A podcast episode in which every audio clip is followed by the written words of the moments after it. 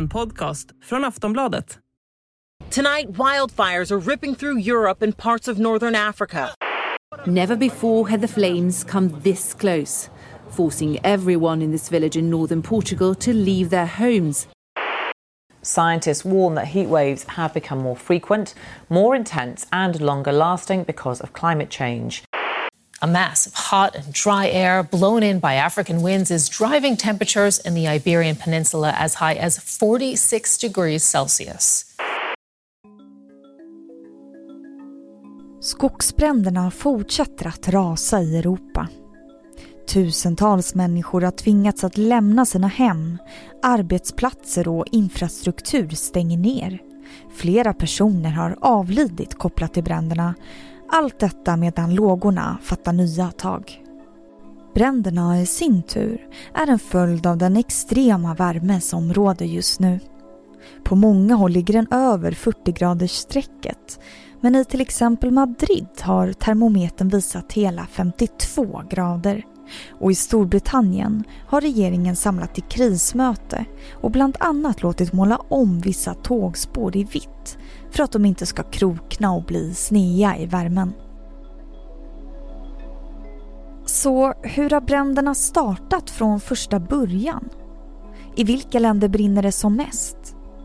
Hur hänger bränderna ihop med klimatförändringarna? Och vad gör man om branden närmar sig huset där man bor? I dagens Aftonbladet Daily pratar jag, Vilma Ljunggren, med Gabriel Messori, forskare på extremväder vid Uppsala universitet. Han beskriver läget i Europa så här. Eh, det brinner i flera ställen, till exempel i eh, Spanien och i Frankrike där de största skogsbränder härjar just nu.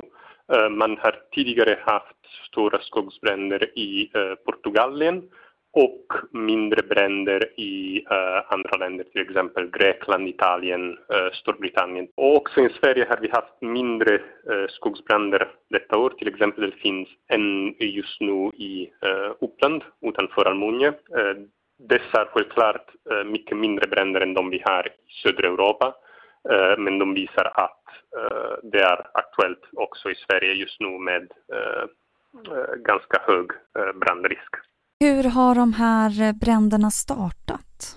De flesta bränder eh, startas av människor, helt enkelt. Eh, till exempel genom mänskliga aktiviteter, man grillar, man eh, eldar gräs, eh, kanske så enkelt som att kasta en cigarett eh, och så vidare. Eh, sen när det finns dessa jättevarma temperaturer som vi har haft i södra Europa och eh, torra förhållanden så det har inte regnat i flera ställen i södra Europa i eh, flera veckor eller till och med månader. Då blir det lätt att eh, mindre bränder sprider sig snabbt. Så det är en kombination av mänsklig aktivitet och extremvärme som tillsammans skapar det här? Yes, i de flesta fall det är det. Sen det finns väl klart undantag. Man kan ha bränder eh, som eh, tändas av eh, naturliga skäl. Men de flesta bränder börjar med någon slags mänsklig aktivitet och sen om det finns eh, bra förhållanden för bränden och dåliga förhållanden för oss människor, då kan dessa bränder eh, sprida sig snabbt och bli eh, okontrollerade kraftiga skogsbränder. Och att det brinner på så många platser runt om i Europa just nu, beror det på värmen då som en god förutsättning för brand? Ja, troligen beror det på att vi har en eh, klimatsituation som ger bra förutsättningar för bränder. Extrem värme och torka, eh, dessa två förhållanden ofta eh, går ihop, gör det så att det blir lättare för bränderna att växa, att sprida sig eftersom när man har eh, lågfuktighetsnivåer i bränsle, till exempel i torkat gräs eller torkade växter, eh, då är det lättare för eh, en brand att växa. Eh, man kan också ha andra väderförhållanden som gör det lättare för bränderna att eh, sprida sig, till exempel om det finns kraftig vind. Men då är, det, är dessa jättelokala förhållanden ofta. Det här drabbar ju oss människor hårt. Vad gör folk som bor nära eller mitt i bränderna för att säkra sig? Så man kan självklart antingen förebygga bränderna eller försöka kontrollera bränderna när man har en skogsbrand. Eh, och när man, när man förebygger bränderna man kan eh, till exempel genom eh, skogsskötsel försöka minska antalet bränsle som är kvar i skogen för en bränd. Eh, eller skapa eh, eh, brandbegränsningslinjer, det vill säga områden där det inte finns brännbart material för att begränsa möjliga, möjliga bränder. Om en brand redan finns, då finns det inte så mycket som vanliga folk kan göra utöver att ringa räddningstjänster. Man måste bara springa iväg innan, innan branden brinner ner ens hus eller lägenhet. Mm, precis, många har ju tvingats lämna sina hem. Vissa länder har ju också infört undantagstillstånd. Hur vanligt är det att det händer i sådana här situationer? Eh, det är inte så ovanligt vid eh, storskaliga bränder. Eh, självklart är det inte någonting som händer varje månad, men det har tidigare hänt att Eh, under perioder eh, med flera bränder eller eh, särskilt extrema bränder flera länder har utfört undantagstillstånd. De jag minns om själv är till exempel vissa delstater i Förenta Staterna har gjort det ganska ofta. Kanada, Italien, till och med Ryssland tror jag har gjort det tidigare. Så det är någonting som är kanske inte så vanligt men inte högst ovanligt heller. Aftonbladet Daily är strax tillbaka. Hej, jag Ryan Reynolds. At Mint Mobile, we like to do the opposite of what Big Wireless does. They charge you a lot, we charge you a little. So naturally, when they announced they'd be raising their prices due to inflation, we decided to deflate our prices due to not hating you. That's right. We're cutting the price of Mint Unlimited from $30 a month to just $15 a month. Give it a try at mintmobile.com slash switch. $45 upfront for three months plus taxes and fees. Promote for new customers for limited time. Unlimited more than 40 gigabytes per month. Slows. Full terms at mintmobile.com.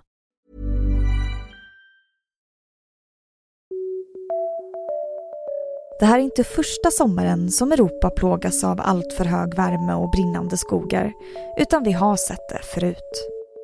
Frågan är hur många sådana här värmeböljor och skogsbränder som vi kan vänta oss framöver. Är det här helt enkelt det nya normala? Vi hör Gabriel Messori igen.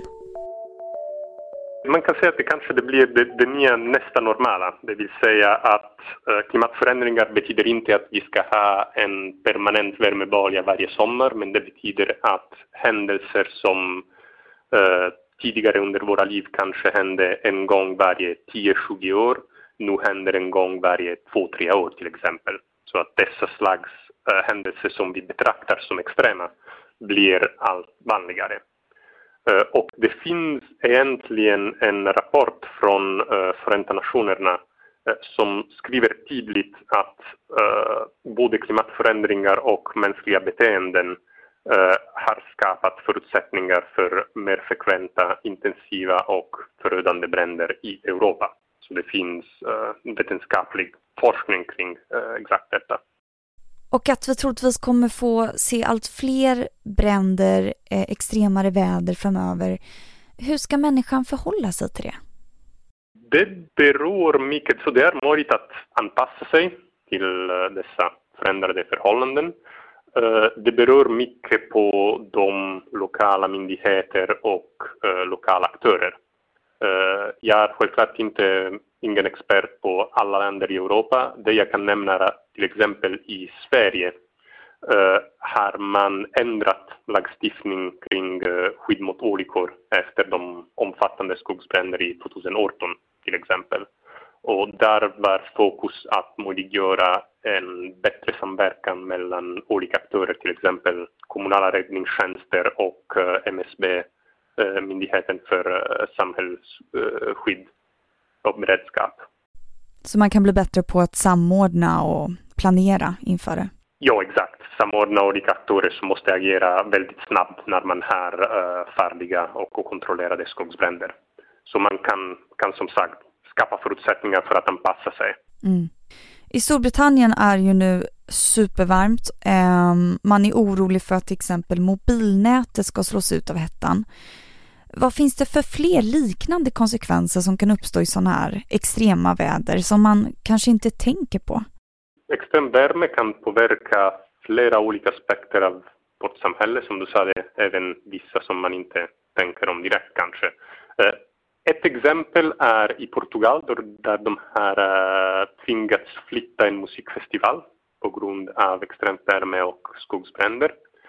Eh, man ofta behöver stänga motorvägar eller järnvägar om det finns kraftig rökutveckling eller bränderna närmar sig infrastrukturen. Eh, självklart, ofta behöver man evakuera folk, helt enkelt, stora mängder folk. Vi har sett det nu i, i Europa med tiotusental människor som har evakuerats i Frankrike och Spanien. Eh, uh, extremt varma förhållanden kan ge överbelastningar till elnätet om alla i ett land plötsligt vill använda uh, luftkonditionering full fart, till exempel. Uh, man kan också ha problem med järnvägar eftersom metall expanderar sig om det blir extremt då kan man uh, tvingas införas hastighetsbegränsningar på järnvägar till exempel.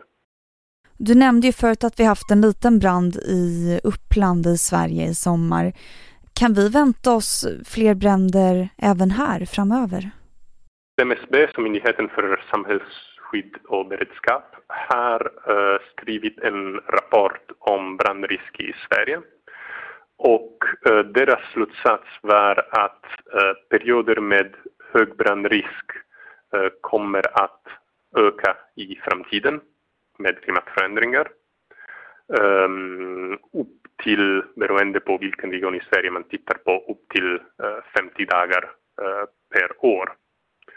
Uh, och de ser också att frekvensen av högriskperioder, det vill säga perioder när det finns en jättehög risk för skogsbränder, ska också öka i hela Sverige. Så de ser i framtiden, de förutspår en ökad brandrisk i Sverige. Mm. Och hur tror du att det kommer gå framöver om vi får allt mer sånt här extremt väder? Kommer vi lära oss att hantera det eller kommer vi att få betala dyrt? Man kan anpassa sig men det är svårt att helt undvika konsekvenser av en extrem händelse. Man kan minska konsekvenser men jag skulle säga att vi, vi borde förvänta oss, även om vi gör ett effektivt anpassningsarbete, vi borde förvänta oss att vi ska ha större skador från eh, extrema värmeböljor och stora skogsbränder. Sen kan vi minska ökningen av skador genom att Eh, anpassa oss på ett effektivt sätt. Det värsta som kan hända är att vi gör ingenting för att minimera ytterligare klimatförändringar och samtidigt eh, vi gör ingenting för att förbereda oss in, eh, innanför de oundvikliga klimatförändringar som är redan på gång. Eh, att vi bara ignorerar problemet eh, och fortsätter som vanligt. Eh, jag skulle säga att det där är min mardrömsscenario. Då säger jag eh, tack så jättemycket Gabriel Mesori för att du gästade Aftonbladet Daily. Tack själv, hej. Du har lyssnat på Aftonbladet Daily med Gabriel Mesori, forskare på extremväder vid Uppsala universitet. Och med mig, Vilma Ljunggren. Tack för att du har lyssnat.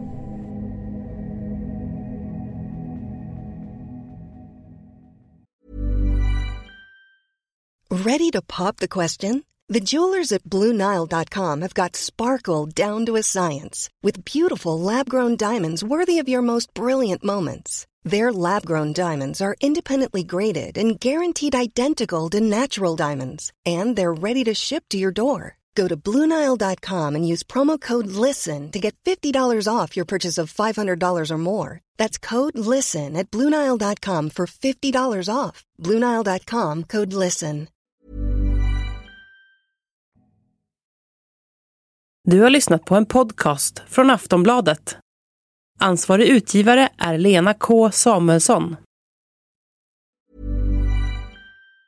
Tired of ads barging into your favorite news podcasts? Good news. Ad-free listening is available on Amazon Music. For all the music plus top podcasts included with your Prime membership.